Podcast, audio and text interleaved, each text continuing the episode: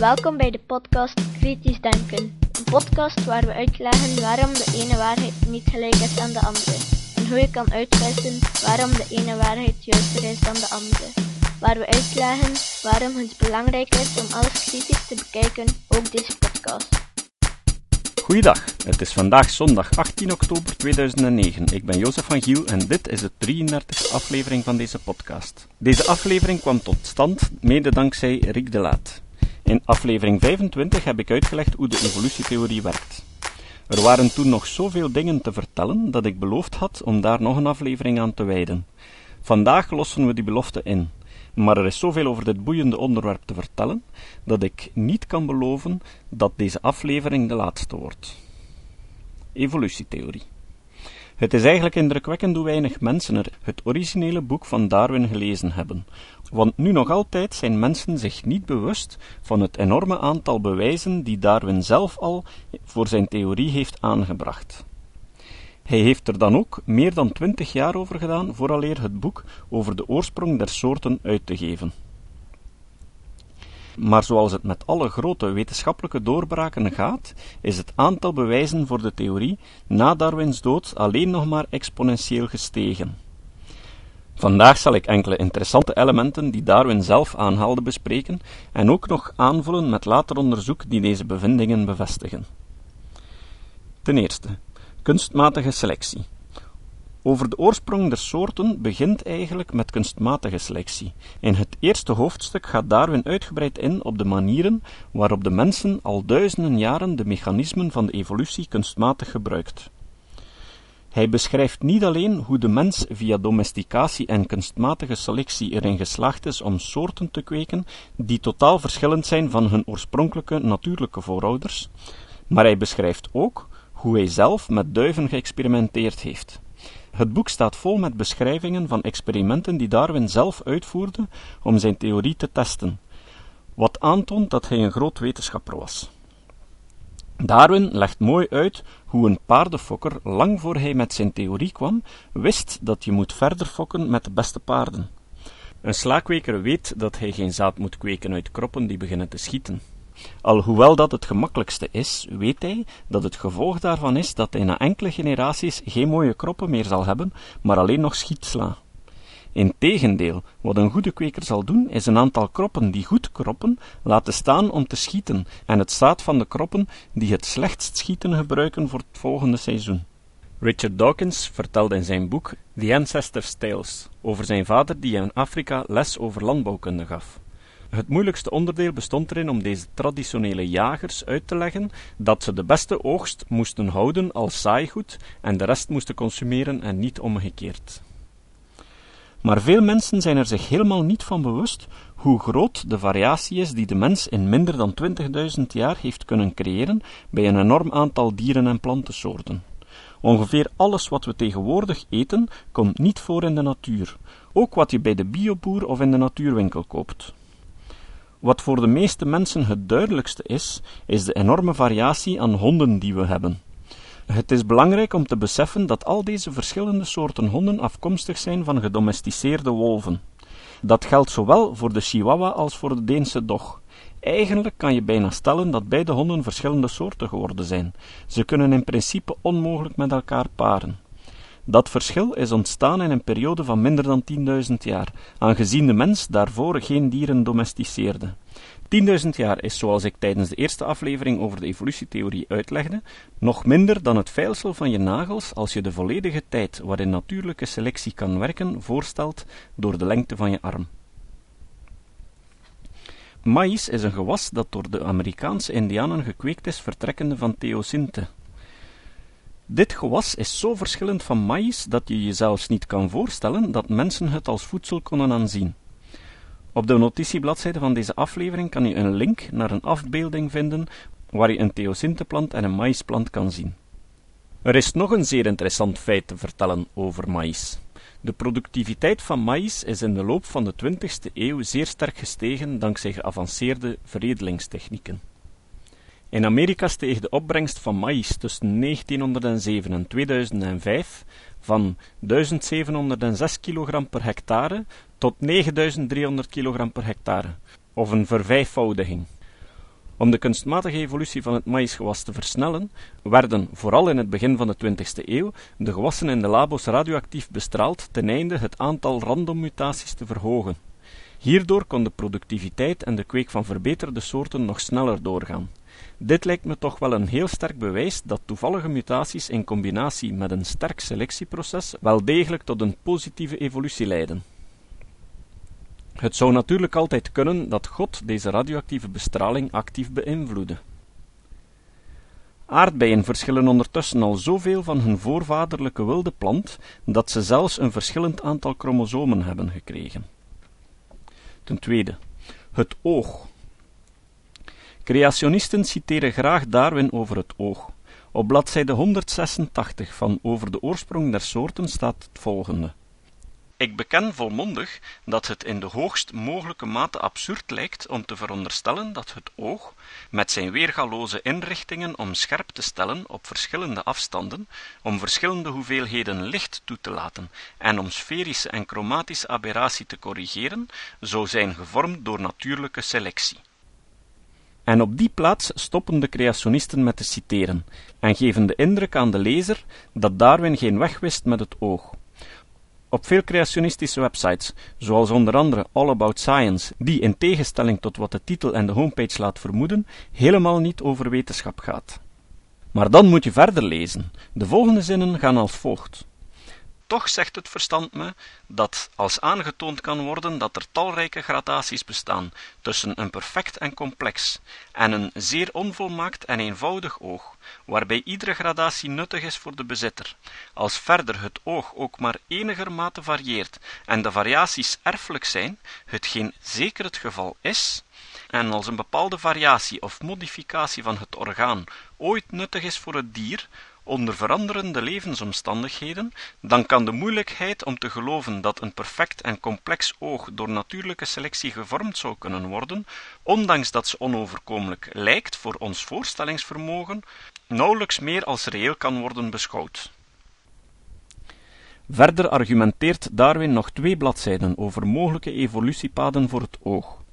Maar daarmee is het verhaal van het oog nog niet afgelopen, want wat de creationisten ook beweren, het oog is ondertussen een van de iconen van de evolutie geworden.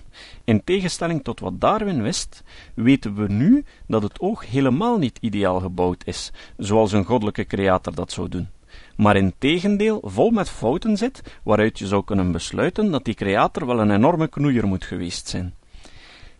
Ik zal ze hier niet allemaal bespreken, maar om te beginnen kunnen mensen maar drie kleuren zien, terwijl reptielen en vogels ook nog ultravioletten kunnen zien. Sommige slangen zien zelfs infrarood, en dat terwijl sommige mensen blind zijn voor groen. De reden daarvoor kan opnieuw door de evolutie verklaard worden. De oerzoogdieren waren nachtdieren en hadden dus geen kleurzicht nodig. Vandaar dat zelfs de meeste zoogdieren kleurenblind zijn, of tenminste blind voor groen. Het is pas met de eerste primaten dat kleurenzicht gedeeltelijk is hersteld. Het bleek een voordeel te zijn om tussen de bladeren het rijpe fruit te vinden in de bomen. Het oog van een zoogdier heeft zijn zenuwen aan de verkeerde kant zitten. Die liggen voor de lichtgevoelige cellen en blokkeren daardoor een stuk van het binnenkomende licht. Bovendien moeten daardoor al die zenuwen door een gemeenschappelijk gat in het netvlies naar buiten om naar de hersenen te kunnen gaan. Het gevolg daarvan is dat we met een blinde vlek in ons oog zitten opgescheept. Zo'n blinde vlek zou dus een miskleun zijn voor een schepper, zeker voor een almachtige schepper, maar binnen de evolutietheorie is een dergelijk fenomeen perfect te verklaren. De cellen die tot het oog geëvolueerd zijn, hadden oorspronkelijk een andere functie. Wanneer het oog eenmaal verder evolueerde tot de huidige functie, was die basisstructuur niet meer veranderbaar. Maar ondertussen zijn in de dierenwereld alle verschillende tussenstappen te vinden om tot een oog te komen. Er zijn primitieve wormen die niet meer hebben dan enkele lichtgevoelige huidcellen. Er zijn kwallen die ook nog een soort holte hebben, waardoor het licht meer gefocuseerd wordt naar die lichtcellen. Het oog van een inktvis bestaat uit een meer complexe holte en een soort lens waardoor deze een veel beter zicht heeft, enzovoort. Bijgevolg heeft een inktvis geen blinde vlek. Het is belangrijk om in te zien dat al deze tussenstappen wel degelijk nuttig zijn voor het individu en een stuk beter zijn dan de vorige tussenstap. Er bestaan geen nutteloze tussenstappen en er bestaan dus geen tussenvormen. Een half oog komt niet voor in de natuur. Elke tussenstap in de vorming van een oog is een perfect afgewerkt zintuig voor het dier die het gebruikt. Het is in ieder geval zo dat de evolutie het zicht meerdere keren heeft uitgevonden. Insectenogen zijn totaal verschillend geconstrueerd, maar daarvan kennen we ook redelijk goed de verschillende evolutiestappen. Ten derde, gesimuleerde evolutie. De moderne computerwetenschappen hebben ons ook veel geholpen in het begrijpen van de evolutie. Door middel van simulatieprogramma's is het mogelijk om natuurlijke fenomenen te onderzoeken door de regels in computeralgoritmen te bouwen, en dan het programma in een lus altijd maar die algoritmes te laten uitvoeren en zo te zien wat er gebeurt. Het oog is ook heel mooi op die manier onderzocht. Ik heb ooit een simulatieprogramma gezien waarbij men vertrok van een model bestaande uit een laagje doorzichtig weefsel, een laagje vocht en een laagje gevoelige cellen. Een routine liet dit model zich vermenigvuldigen. Hierbij werd ook variatie bij die volgende generatie ingevoerd.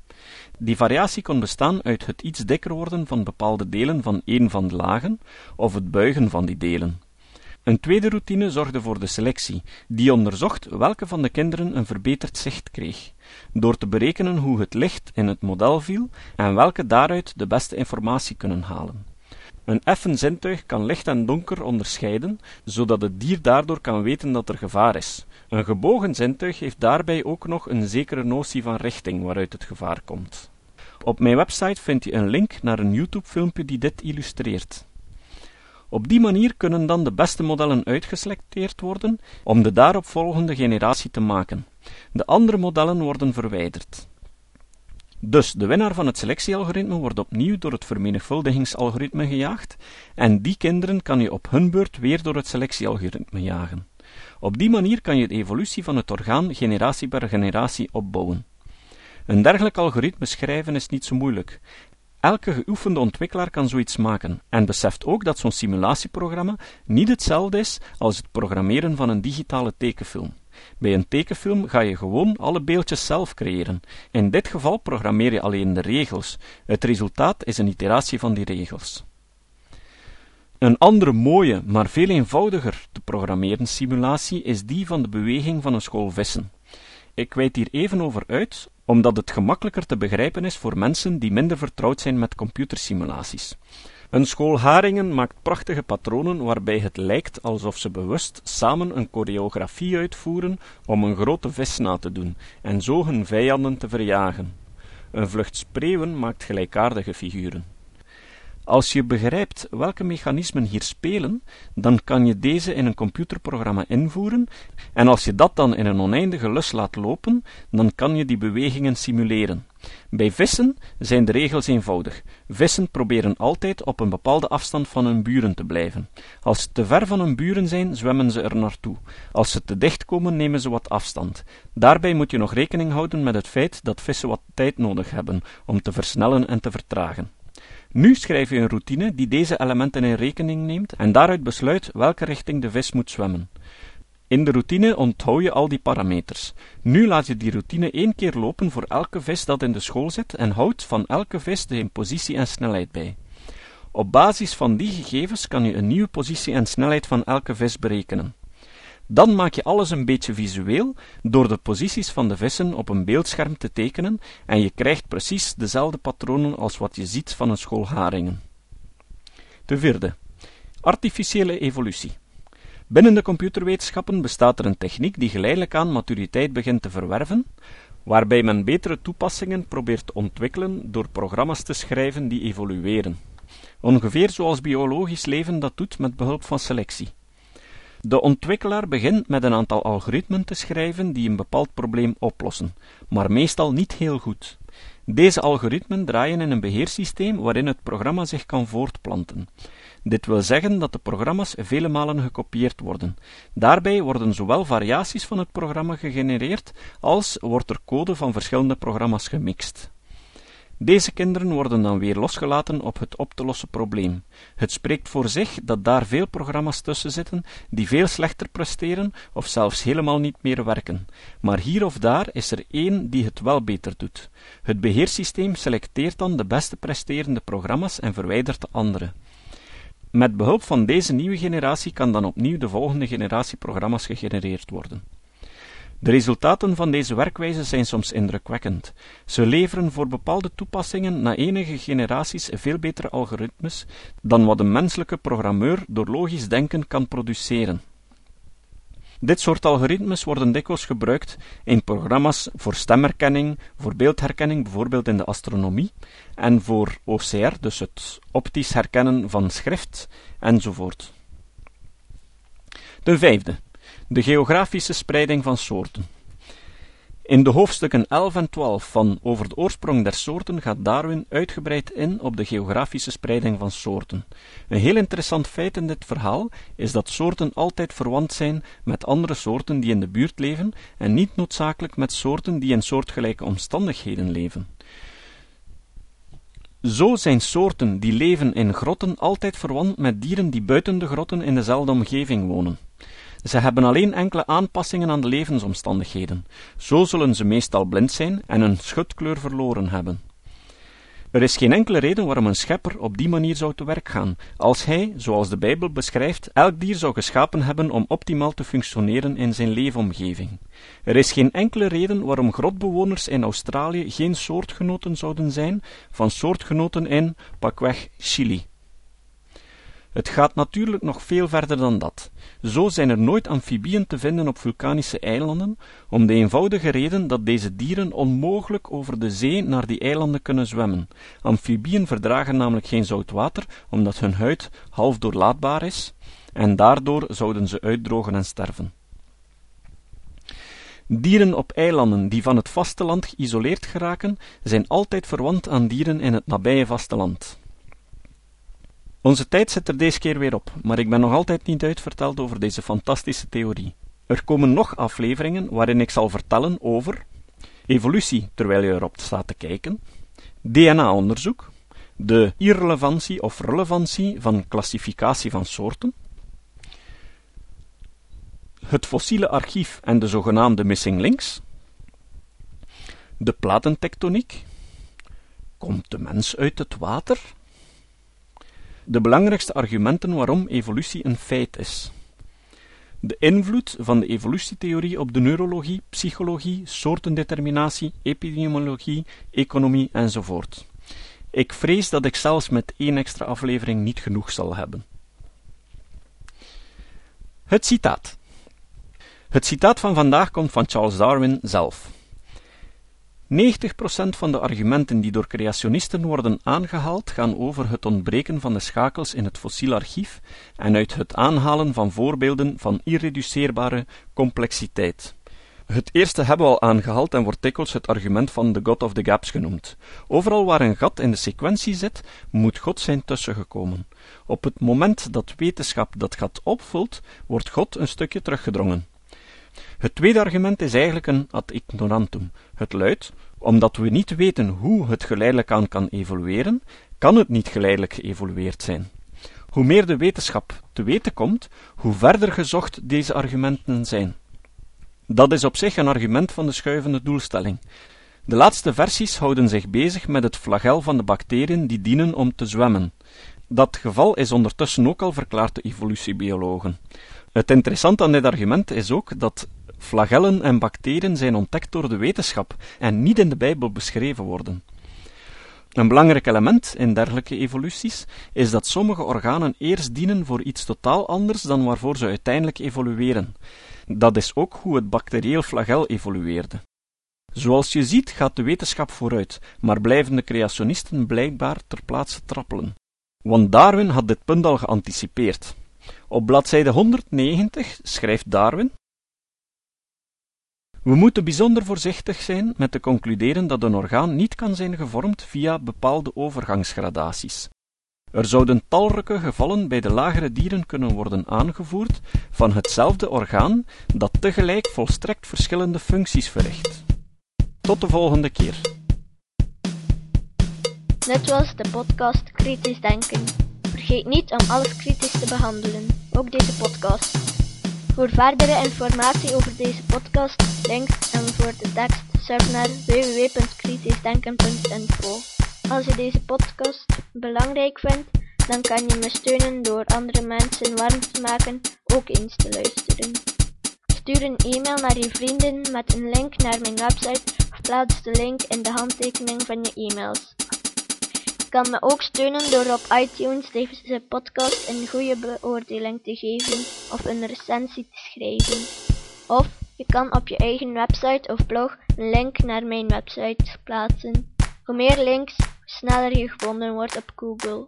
Dat kan beloond worden door een link naar jouw website bij mij.